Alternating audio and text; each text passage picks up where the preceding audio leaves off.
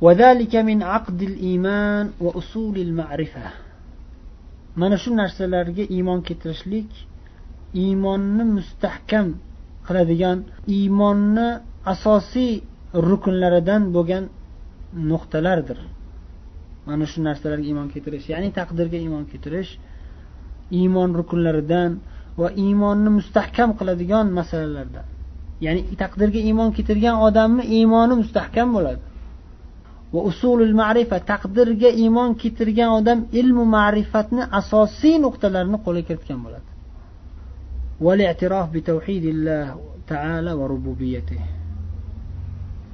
va alloh taoloning yagonaligini e'tirof etishlikka kiradi bu ham rububiyati alloh taoloning parvardigorligini tan olishlikka kiradi taqdirga iymon keltirishlik alloh taoloning parvardigorligiga iymon keltirishdan hisoblanadi Ya'ni kimdir alloh taoloni parvardigoriga iymon keltiramanu taqdirga iymon keltirmayman desa bu odam alloh taolo parvardigoriga iymon parvardigorligiga iymon keltirmagan hisoblanadi iymonini buzgan hisoblanadi.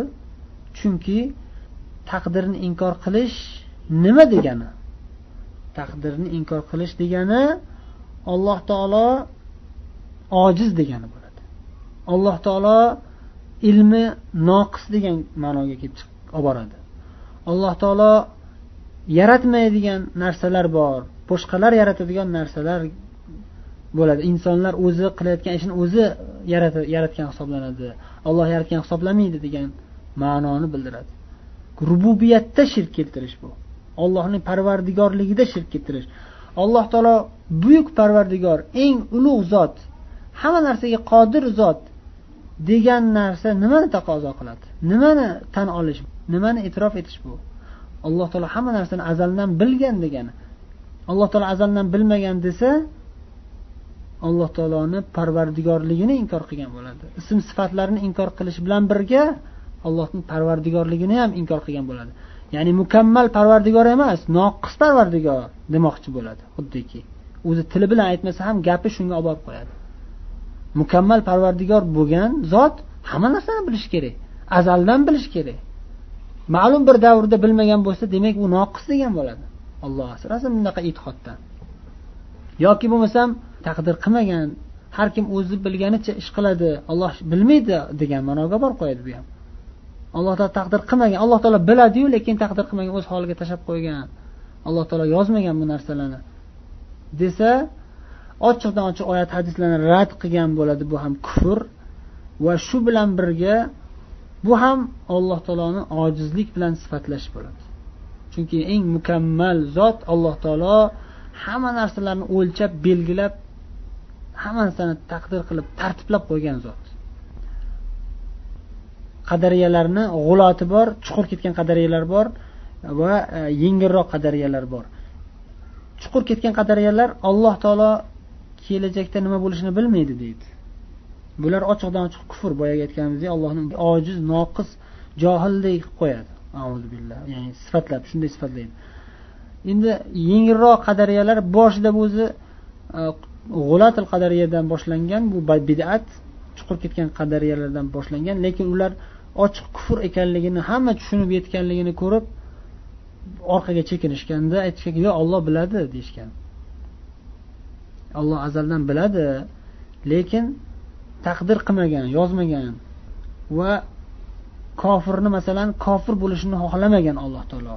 Misol uchun fir'avnni aytsak o'tgan zamondagini aytsak tushuntirish osonroq bo'ladi. Kelajakdagini e, biz hech kim aytolmaymiz falonchi odam kofir bo'ladi pistonchi odam musulmon bo'ladi deb kelajakda. Lekin o'tgan zamonlarni masalan aytishimiz mumkin masalan fir'avn kofir bo'lib o'tgan. Bunda shak shubha qilmaydi hech kim. Shu masalani masalan misol tariqasida o'rtaga qo'yib gaplashib tushuntiradigan bo'lsa aytamizki masalan qadariyalarni fikri bo'yicha ular aytishadiki fir'avn o'z ixtiyori bilan kofir bo'lgan deyishadi. Shaytonni vasvasasiga quloq solgan va o'z ixtiyori bilan kofir bo'lgan deyishadi. Alloh taolo uni kofirlikka majbur qilmagan. Olloh bilgan uni kofir bo'lishiniyu lekin taqdirda yozmagan uni kofir bo'lishini xohlamagan hatto deyishadi. Alloh taolo uni kofir bo'lishini xohlamagandi lekin u kofir bo'ldi deyishadi. Agar shunday deyiladigan bo'lsa demak olloh ojiz ekanda uni musulmon qilolmabdida olloh musulmon bo'lishini xohlaganu lekin shayton uni kofir bo'lishini xohlagan. Natijada shaytonni irodasi ollohni irodasidan ustun ketdi. Shaytonni xohishi ollohni xohishidan ustun ketdi. Demak olloh kuchi yetmabdi. Degan ma'noga olib qo'yadi. Xuddi shunga o'xshagan voqea ro'y bergan qadariy bilan bir majusiy kimsa bir kemada uchrashib qolishgan ekan tarixda bo'lgan voqealardan. Buni o'sha yerda hozir bo'lgan odamlardan birlari rivoyat qilgan. O'sha qadariy ya'ni allohni taqdirini inkor qiladigan toifalardan biri musulmonman deb davo qiladigan kimsa majusiy otashparast kimsani islomga da'vat qilgan ekan. Islomga kiring deb islom haq din deb. Shunda u majusiy olloh xohlasa kiramanda degan ma'noda javob qilganda u aytgan ekanki qadariy javob aytgan ekanki yo olloh xohlayapti shayton xohlamayapti sizni musulmon bo'lishingizni. Olloh xohlaydi sizni musulmon bo'lishingizni. Lekin shayton xohlamayapti. Desa demak olloh xohlayotgan bo'lsa musulmon bo'lishimni lekin shayton kofir bo'lishimni xohlayotgan bo'lsa men kofir bo'lib yurgan bo'lsam demak man kuchli tarafda ekanman shayton kuchli ekan ollohdan degan ekan. Haqiqatda ularni gapi shunga olib borib qo'yadi. Shu bilan ular parvardigorlikka iymon keltirishmagan hisoblanadi. Alloh taoloni parvardigorligini inkor qilishgan hisoblanadi.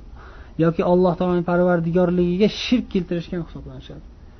Taqdirga iymon keltirish esa alloh taoloning yagonaligiga alloh taoloning parvardigorligiga iymon keltirishdir shu narsa taqozo qiladi.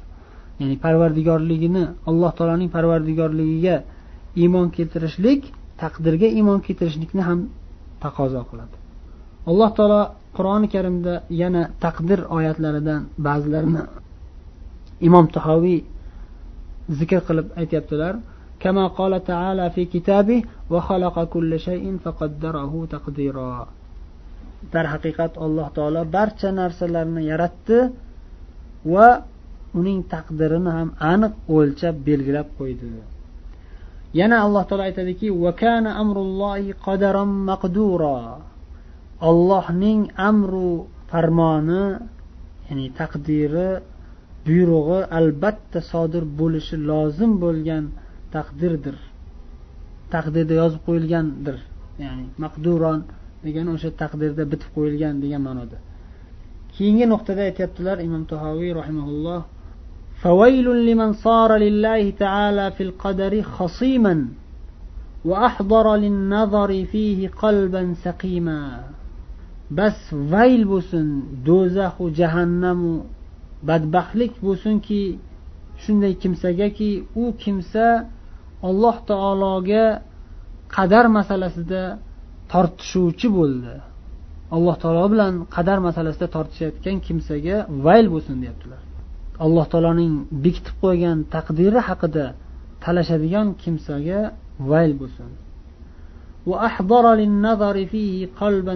سقيما va bu masalada fikr yuritish uchun ya'ni taqdirni masala taqdir masalasida fikr yuritish uchun kasal qalbni hozir qilib ya'ni qalbi kasal bo'lib turib talashyapti ya'ni talashmoqchi bo'lganligini o'zi qalb kasalligi. Va shu kasal qalbi bilan olloh bekitib qo'ygan narsani o'rganmoqchi. Ya'ni shunday kimsaga vayl bo'lsin deyaptilarda keyin aytyaptilarki juda ham maxfiy qilib bekitib qo'yilgan sirni o'zining vahmu xayoloti bilan tasavvur gumonlari bilan g'ayb ilmini qidirib tekshirib topaman deb harakat qilyapti ya'ni umuman topib bo'lmaydigan maxfiy sirni topaman deb harakat qilyapti bu ahmoq demoqchilar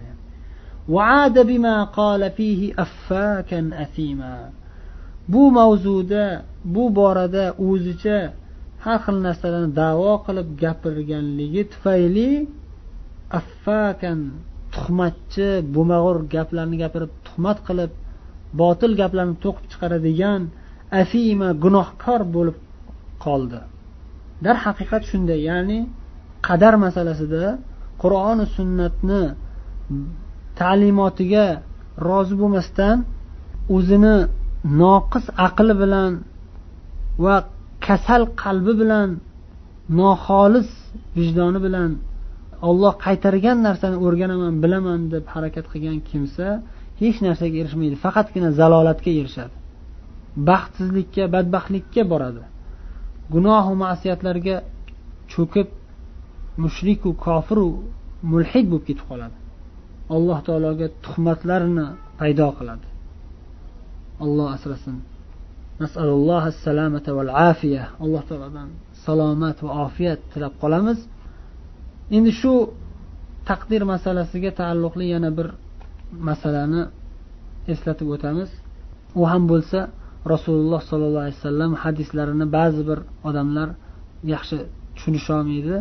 Rasululloh sollallohu alayhi vasallam hadisda aytyaptilar لا يرد القدر إلا الدعاء ولا يزيد في العمر إلا البر وإن الرجل لا يحرم الرزق بالذنب يصيبه qadarni faqatgina duo qaytaradi va umrni faqatgina yaxshilik ezgulik yoki qarindosh urug'larga yaxshilik qilish siylay rahmlik qilish va boshqa yaxshiliklar ziyoda qiladi degan ma'noda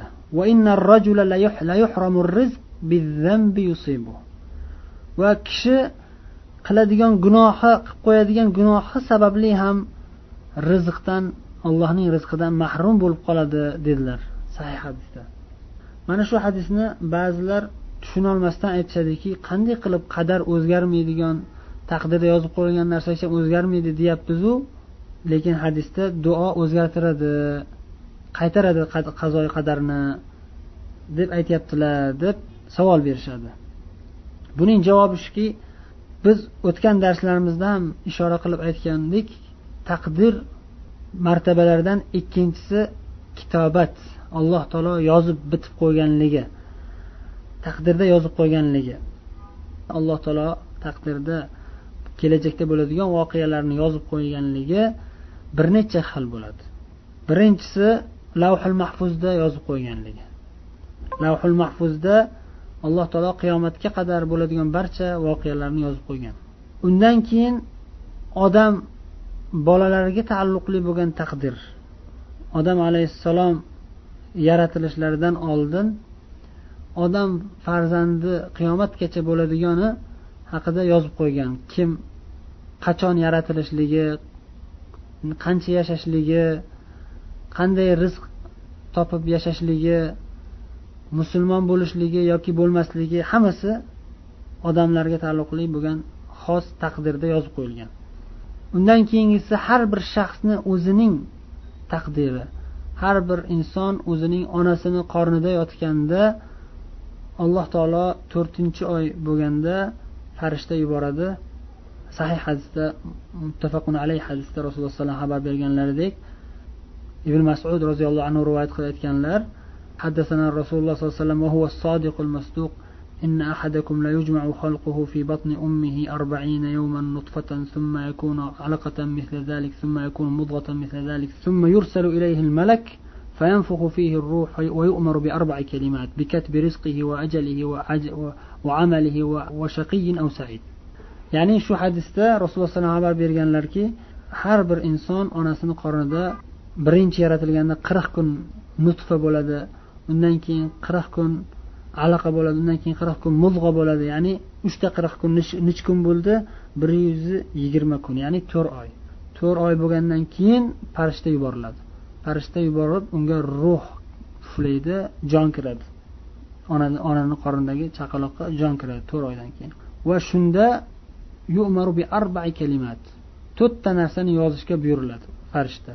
Bikatbi rizqihi va ajalihi va amalihi. Ana shu insonni onasini qornidagi insonni rizqini ajalini qiladigan ishlarini baxtli bo'lib o'ladimi baxtsiz bo'lib o'ladimi buni hammasini yozishlikka buyuriladi. Bu ham taqdir ya'ni taqdirlardan yoziladigan taqdirlardan biri. Yoziladigan taqdirlar bir necha.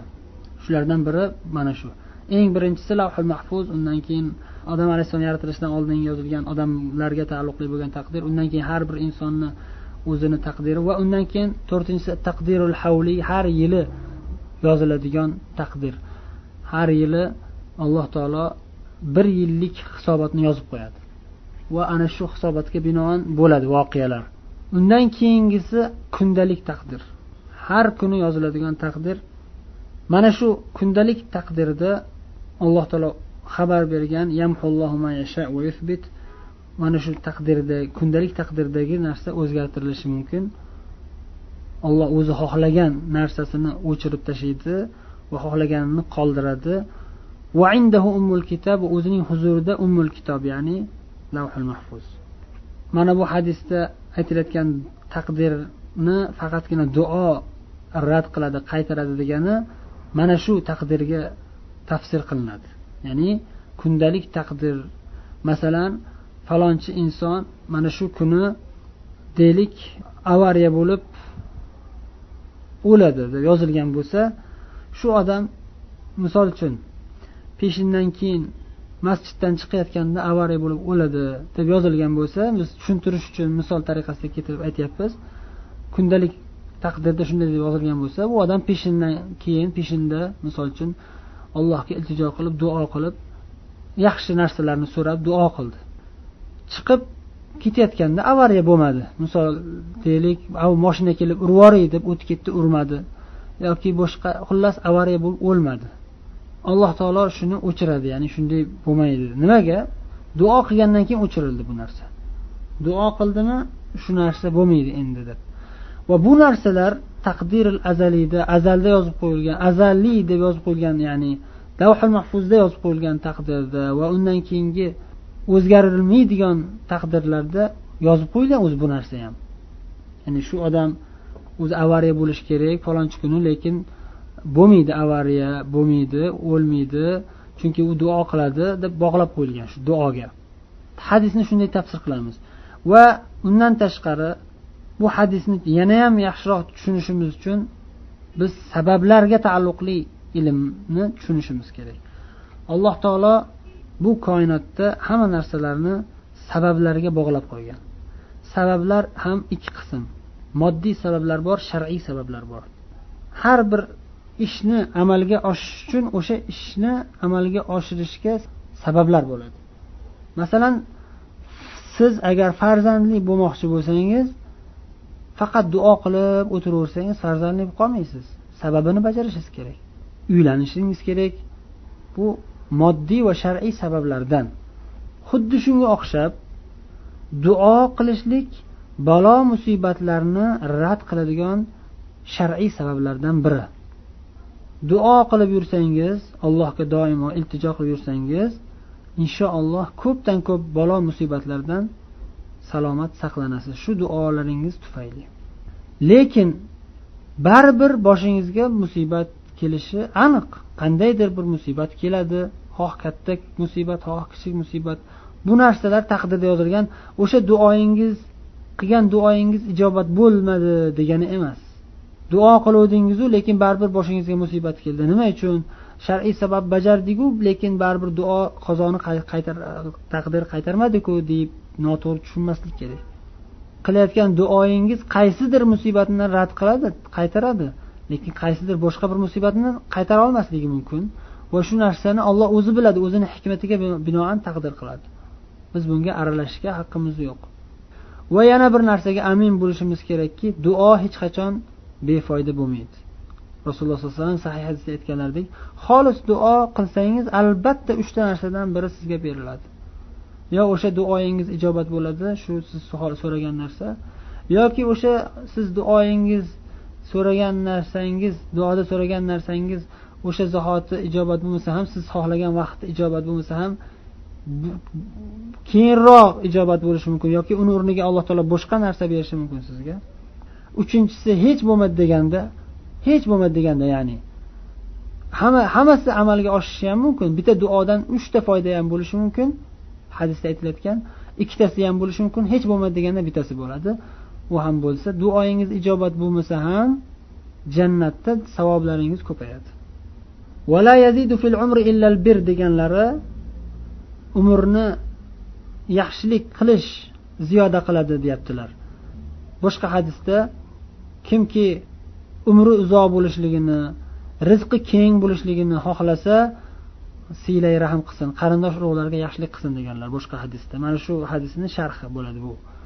Siylay rahm qilishlik ota onangizga yaxshilik qilishlik qarindosh urug'laringizga yaxshilik qilishlik umringizni uzoq qiladi rizqu nasibalaringizni keng qiladi. Ya'ni shunga sabab bo'ladi. Ya'ni shunga sabab bo'ladi. Va bu ham xuddi duo va boshqa narsalarda aytganimizdek ya'ni masalan uylanishlik farzandga farzand ko'rishlikka sabab bo'lganidek ba'zida shu sabab foyda bermay qolishi ham mumkin allohni taqdiri va hikmatiga binoan. Masalan ba'zilar uylanadi farzandli bo'lmaydi. Bu ham ollohni hikmat taqdiri. Biz buni bilmaymiz. O'zi sabab edi farzandli bo'lishligi mumkin edi. Ya'ni shu sabab qilib qo'yilgandi shu uylanishlik. Lekin baribir farzandli bo'lmadi. Bu ham ollohni hikmatiga taqdirga binoan va xuddi shunday siylay rahm qiladigan ba'zi bir odamlar erta o'lib ketib qoladi yoki kambag'al bo'ladi. Nima? Bu hadisni amalga hadis demak noto'g'ri deganimi? Yo'q aslo. Hadisda rasululloh sollallohu alayhi vasallam shar'iy sabablardan ba'zilarini bayon qilyaptilar. Mana shu yaxshilik qilishlik siylay rahm qilishlik shar'iy sabablardan. Xolis alloh uchun qarindosh urug'laringizga yaxshilik qilib yashasangiz aksar holatlarda shunday bo'lgan odamlar boy badavlat bo'lishi mumkin. Aksar holatlarda bemalolroq yashaydi uzoq yashaydi. Lekin ba'zida bu sabab ham foyda bermasligi mumkin zohiridan ya'ni uzoq yashamasdan erta o'lib ketishi mumkin yoki kambag'al bo'lib yashashi mumkin. Lekin yaxshilik qilganligi behuda ketmaydi aslo. Siylay rahm qilganligi aslo behuda ketmaydi. U xolis niyat bilan qilgan bo'lsa albatta juda ham buyuk savoblarga erishadi. Agar xolis niyat bilan qilmagan bo'lsa riyo uchun qilgan bo'lsa bu dunyoda o'ziga yarasha maqtovlarga erishadi. Bu dunyoda bu kishi juda qarindosh urug'larga yaxshi qaraydigan saxovatli inson deb kimlardir maqtaydi o'sha obro' e'tiboriga erishadi. Ammo oxiratda unga faqat balo bo'ladi. Chunki riyo qildi xolis olloh uchun qilmadi. Olloh asrasin. Dedilar keyin.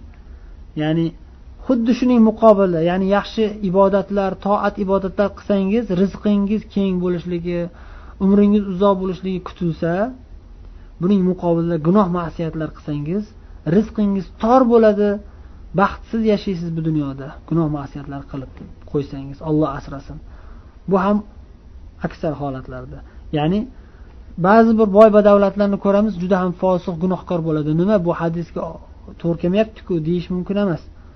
Bu ollohning hikmati taqdiri biz bilmaymiz. Zohiridan u odam boy badavlat bo'lib yashayotgan bo'lsa ham fosiq kimsa lekin u baxtli inson deb ayta olmaymiz. Chunki birinchidan toat ibodat qilmagan odam allohga to'la iymon keltirmagan odam zohiridan baxtliga o'xshab ko'rinsa ham lekin aslo baxtli bo'lmaydi u. Ikkinchidan bu imtihon istidroj alloh taolo olloh asrasin. Ba'zi bir bandalarni dunyo boyliklari dunyo lazzatlari bilan fitnalantirib qo'yadi. Olloh asrasin. Bu salaf solihlar aytishadi bu dunyoda hech qanday musibat ko'rmasdan hech qanday qiyinchilik ko'rmasdan yashayotgan odam o'zini tekshirib ko'rsin deyishadi. U iymonida qalbida kasalligi bor. Bo'lmasa albatta musibat kelardi chunki rasululloh hadislarda xabar berganlar eng qattiq musibat ko'radiganlar payg'ambarlar keyin ulardan keyingi darajadagi mo'min bandalarga ham og'ir musibatlar keladi deb xabar berganlar. O'shaning uchun musibatlar bilan siqilmaslik kerak. Musibat kelmasa ehtiyot bo'lib o'zini tekshirish kerak inson. Xullas kalom bu masalalar alhamdulillah ochiq oydin. Qalbi pokiza bo'lgan qalbi munavvar bo'lgan imom tahoviy aytganlaridek qalbi nur, nuroniy bo'lgan mo'minlar to'g'ri tushunib rohat oladigan haqiqatlar. Bunday ilmlarni olib mana shunday e'tiqodiy masalalarni tushunib yetgan odamlar haqiqatda baxtli bo'lib yashashadi va baxtli bo'lib amal qilib o'tishadi bu dunyodan. alloh taolo o'zi haqiqiy mo'min bandalardan qilsin hammamizni سبحانك اللهم وبحمدك نشهد أن لا إله إلا أنت نستغفرك ونتوب إليك والسلام عليكم ورحمة الله وبركاته